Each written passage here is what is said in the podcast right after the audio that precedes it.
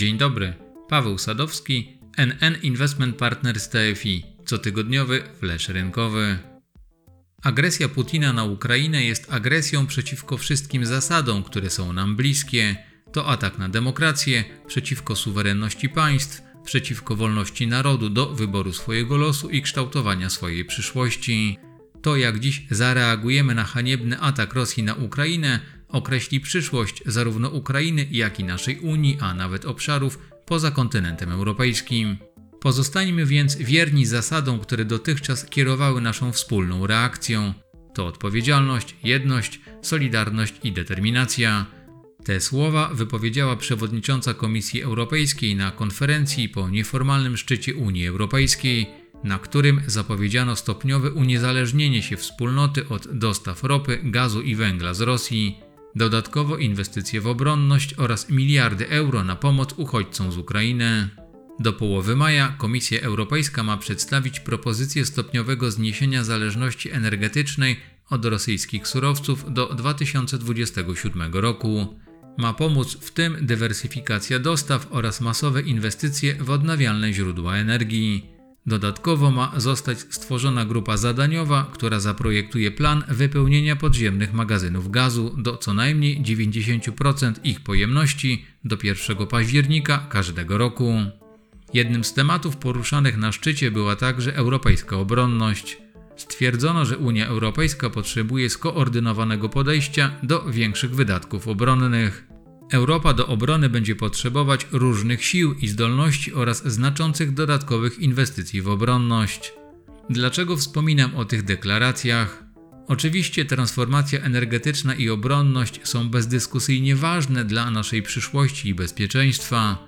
Nie należy jednak zapominać o kosztach ich realizacji, które najprawdopodobniej zostaną odzwierciedlone we wzroście popytu w średnim i długim horyzoncie, między innymi na metale przemysłowe.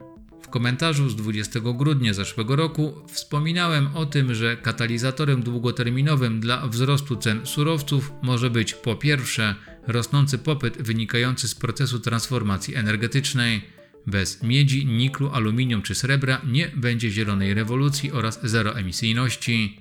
Po drugie, rosnąca częstotliwość występowania ekstremalnych zdarzeń pogodowych będzie podnosiła niepewność plonów i ich jakości, a tym samym wpływała na wyższe oczekiwane ceny towarów rolnych. Pozostając jeszcze przez chwilę przy metalach, to nie powinno się zapominać o tym, że do ich produkcji potrzebna jest energia. Innymi słowy, wzrost popytu na metale przemysłowe przekłada się na zwiększone zapotrzebowanie na surowce energetyczne. Największych nakładów energetycznych w procesie produkcji wymaga metal, bez którego ze względu na swoje liczne zastosowania nie mogą się obyć najbardziej perspektywiczne i nowoczesne branże gospodarki. Chodzi o aluminium. Średnio do wyprodukowania jednej tony tego lekkiego i wytrzymałego metalu potrzeba około 14 MWh energii, to mniej więcej tyle, ile przeciętnie zużywa gospodarstwo w jednorodzinnym domu przez ponad 3 lata. Drugi pod względem energochłonności produkcji to żelazo krzem. Potrzebuje około 1 trzecią mniej energii niż aluminium, a trzeci to żelazo mangan. Potrzebuje o 2 trzecie mniej energii niż aluminium. Obydwa żelazostopy używane są przy produkcji stali, na którą popyt może również zostać zintensyfikowany w przyszłości, jeżeli zapowiedzi przyspieszenia prac nad transformacją energetyczną oraz wyższych wydatków na zbrojenia będą się materializowały. Odnosząc się teraz do cen towarów rolnych, to tak jak wspominałem w cytowanym fragmencie zeszłorocznego komentarza, to długoterminowo na wzrost ich cen może wpływać zwiększona częstotliwość występowania ekstremalnych zjawisk pogodowych. Natomiast w krótszym terminie znaczący wpływ na wzrost cen surowców rolnych i zakłócenia łańcucha dostaw będzie miała inwazja Rosji na Ukrainę. Dla przypomnienia, to obydwa państwa są w czołówce światowych producentów produktów rolnych.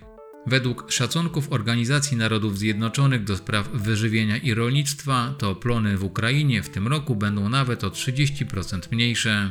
Ponadto Ukraina wprowadziła do końca tego roku zakaz eksportu żyta, jęczmienia, gryki, prosa, cukru, soli i mięsa. Dodatkowo w sobotę 12 marca tamtejszy rząd ustalił zerowy kontyngent na eksport nawozów mineralnych, czyli de facto zakaz ich eksportu z kraju.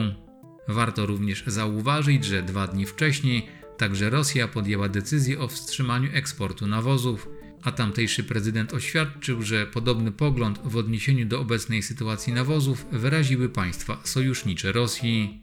To tylko wzmogło napięcie na rynku surowców rolnych. Końcu to przecież Białoruś odpowiada za prawie połowę światowego eksportu potasu. Ograniczenia podaży nawozów w połączeniu ze znacznym wzrostem ich cen, podrożały nawet o 400%, co wynika ze wzrostu cen gazu, będą wpływały dalej na spadek ich zużycia. Dla przykładu, w ostatnim kwartale 2021 roku zakupy nawozów przez polskich rolników zmalały do poziomu nienotowanego od 2009 roku. A to z kolei może przełożyć się negatywnie na poziom i jakość tegorocznych plonów oraz kontynuację wzrostu cen produktów rolnych. Natomiast rosnąca inflacja na poziomie cen żywności w połączeniu ze wzrostem kosztów energii i poprzerywanymi łańcuchami dostaw zaczyna być poważnym problemem dla globalnej gospodarki oraz banków centralnych i stanowi żyzny grunt pod stagflacyjny scenariusz. O tym, jaki to może mieć wpływ na zachowanie wycen wybranych klas aktywów, spróbuję odpowiedzieć w przyszłotygodniowym nagraniu. To tyle na dzisiaj i do usłyszenia.